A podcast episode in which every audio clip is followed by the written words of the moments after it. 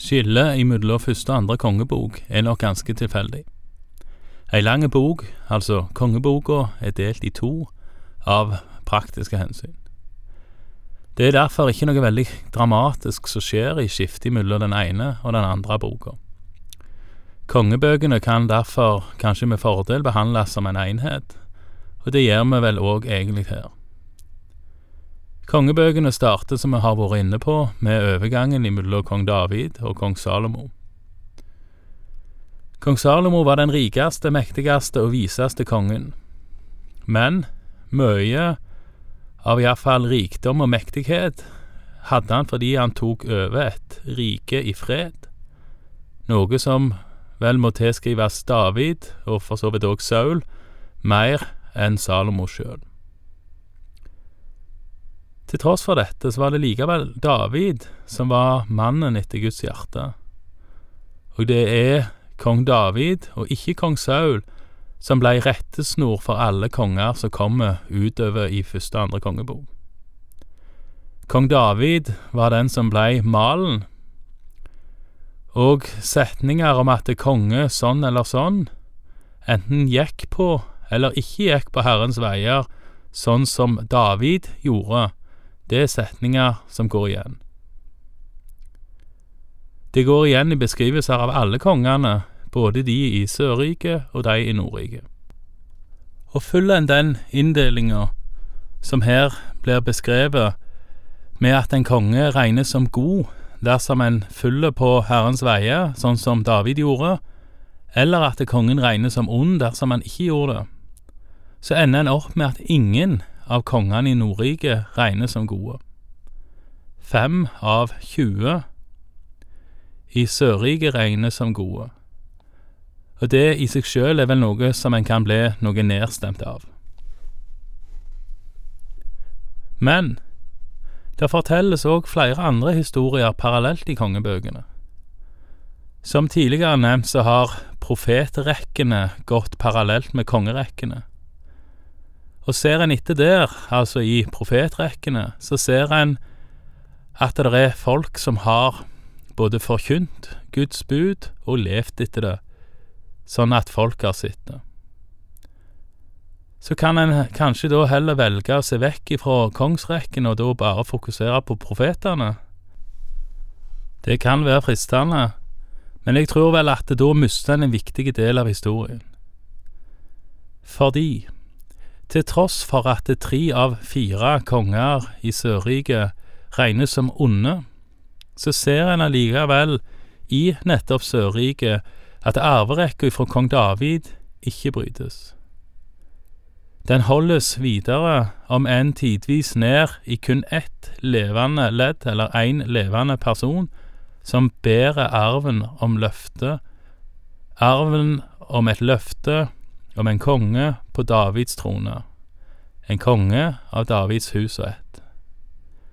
Og tror en evangelisten Matteus, så er vel det poenget med hans innledning i sitt evangelium, å vise at Jesus, kongen, altså Kristus, følger direkte ifra både Abraham, men òg ifra kong David. Og med det veldig positive bakteppet, så er det tid for å starte gjennomgangen av andre kongebok. Vi leser ifra andre kongebok, kapittel 1, vers 1.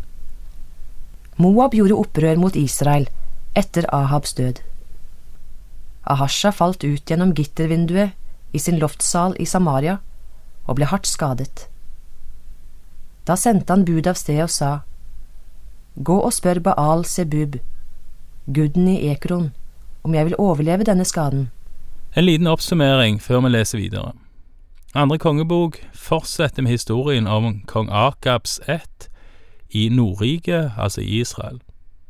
Den starter, som vi nettopp leste, med at Moab, altså folk i Moab, gjorde opprør mot Israel rett etter at kong Akab, eller Ahab, var død. Ahasha var da sønn av Akab, og han har nå klart å ramle ut av vinduet. Vi leser videre fra vers tre. Men Herrens engel sa til Elia fra Tishbe, Stå opp og gå i møte med sendebudene fra kongen i Samaria, og si til dem, Er det ingen Gud i Israel, siden dere går for å rådspørre Baal Sebub, guden i Ekron. Derfor sier Herren, du skal ikke stå opp fra den sengen du har lagt deg i, du skal dø. Så gikk Elia. Elia, altså profeten, han har vært i klammeri med kongene i Israel før. Både faren til Ahasha, altså kong Akab, og kanskje særlig mora, dronning Jesabel, har vært i klammeri med Elia. Mora, altså dronning Jesabel, ville ha Elia drept, og når Elia flykta gjennom hele Nordriket og Sørriket, før han la seg til å dø i ørkenen, så var det på grunn av noe nettopp Jesabel sa. Så når kongen nå velger å spørre avguden Baal Sebud, guden i Ekron, så er det noe han trolig har lært av sin mor. Ei mor som nok òg har lært han et annet om profeten Elia.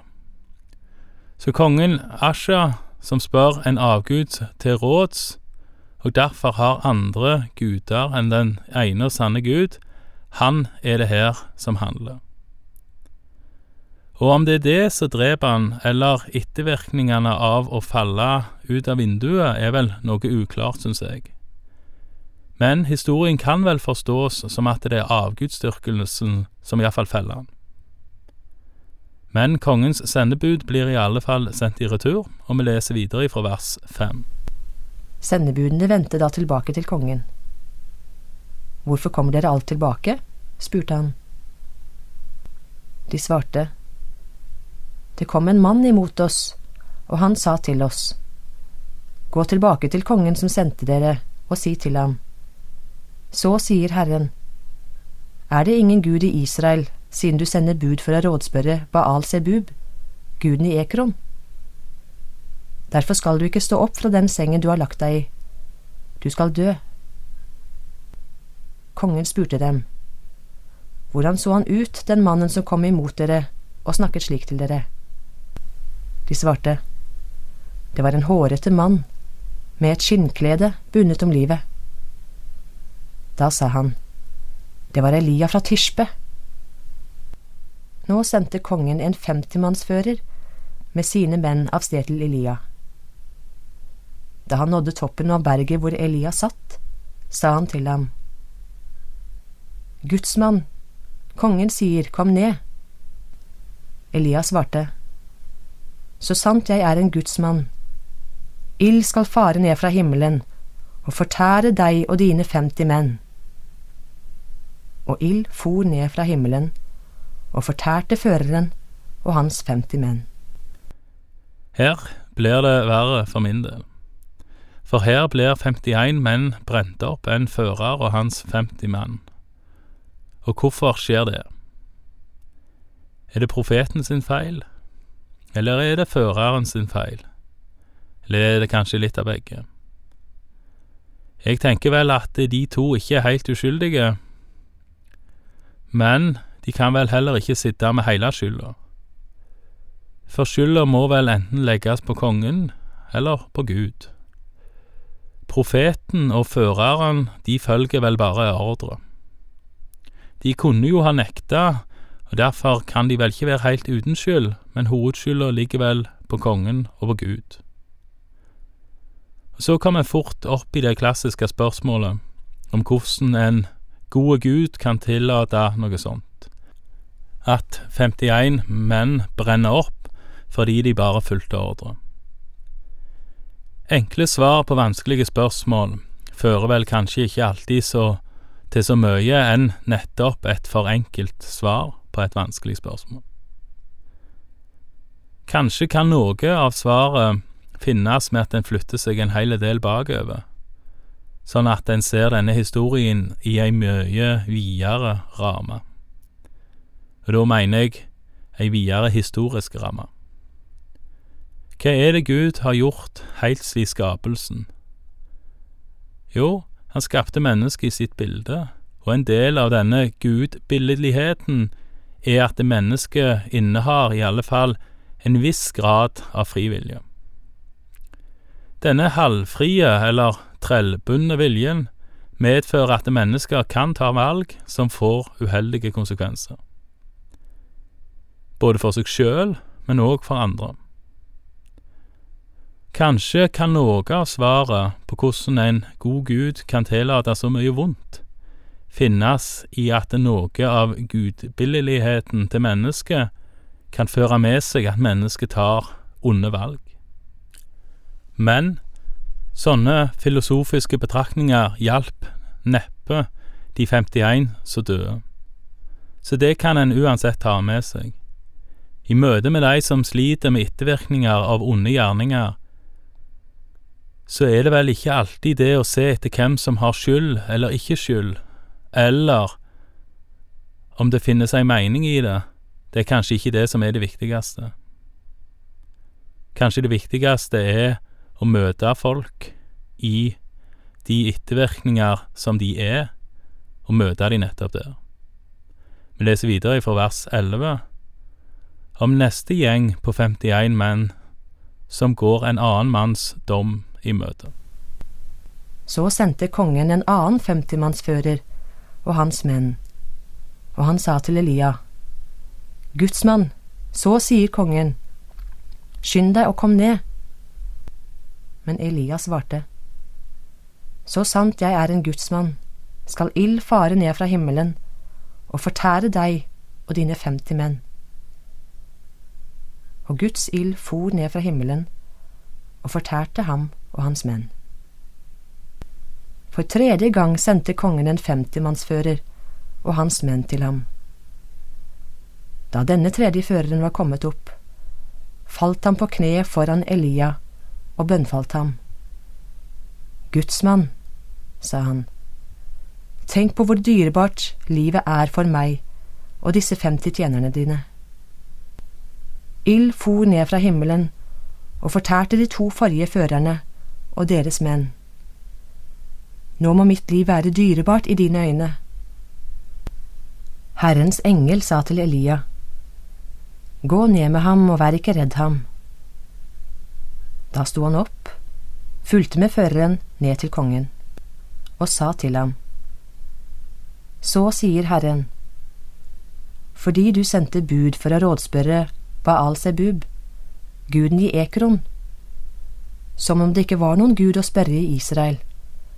Skal du ikke stå opp fra den sengen du har lagt deg i? Du skal dø. Og Ahasha døde, slik som Herren hadde sagt gjennom Elia. Ahasha hadde ingen sønn.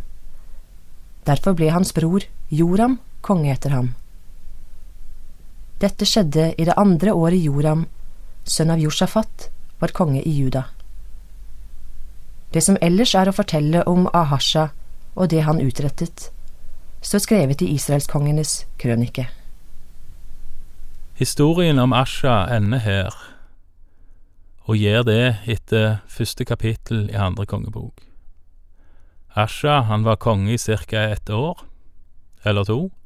Han dør uten barn, og han dør fordi han tilba en annen gud, skal vi tru profeten Elia.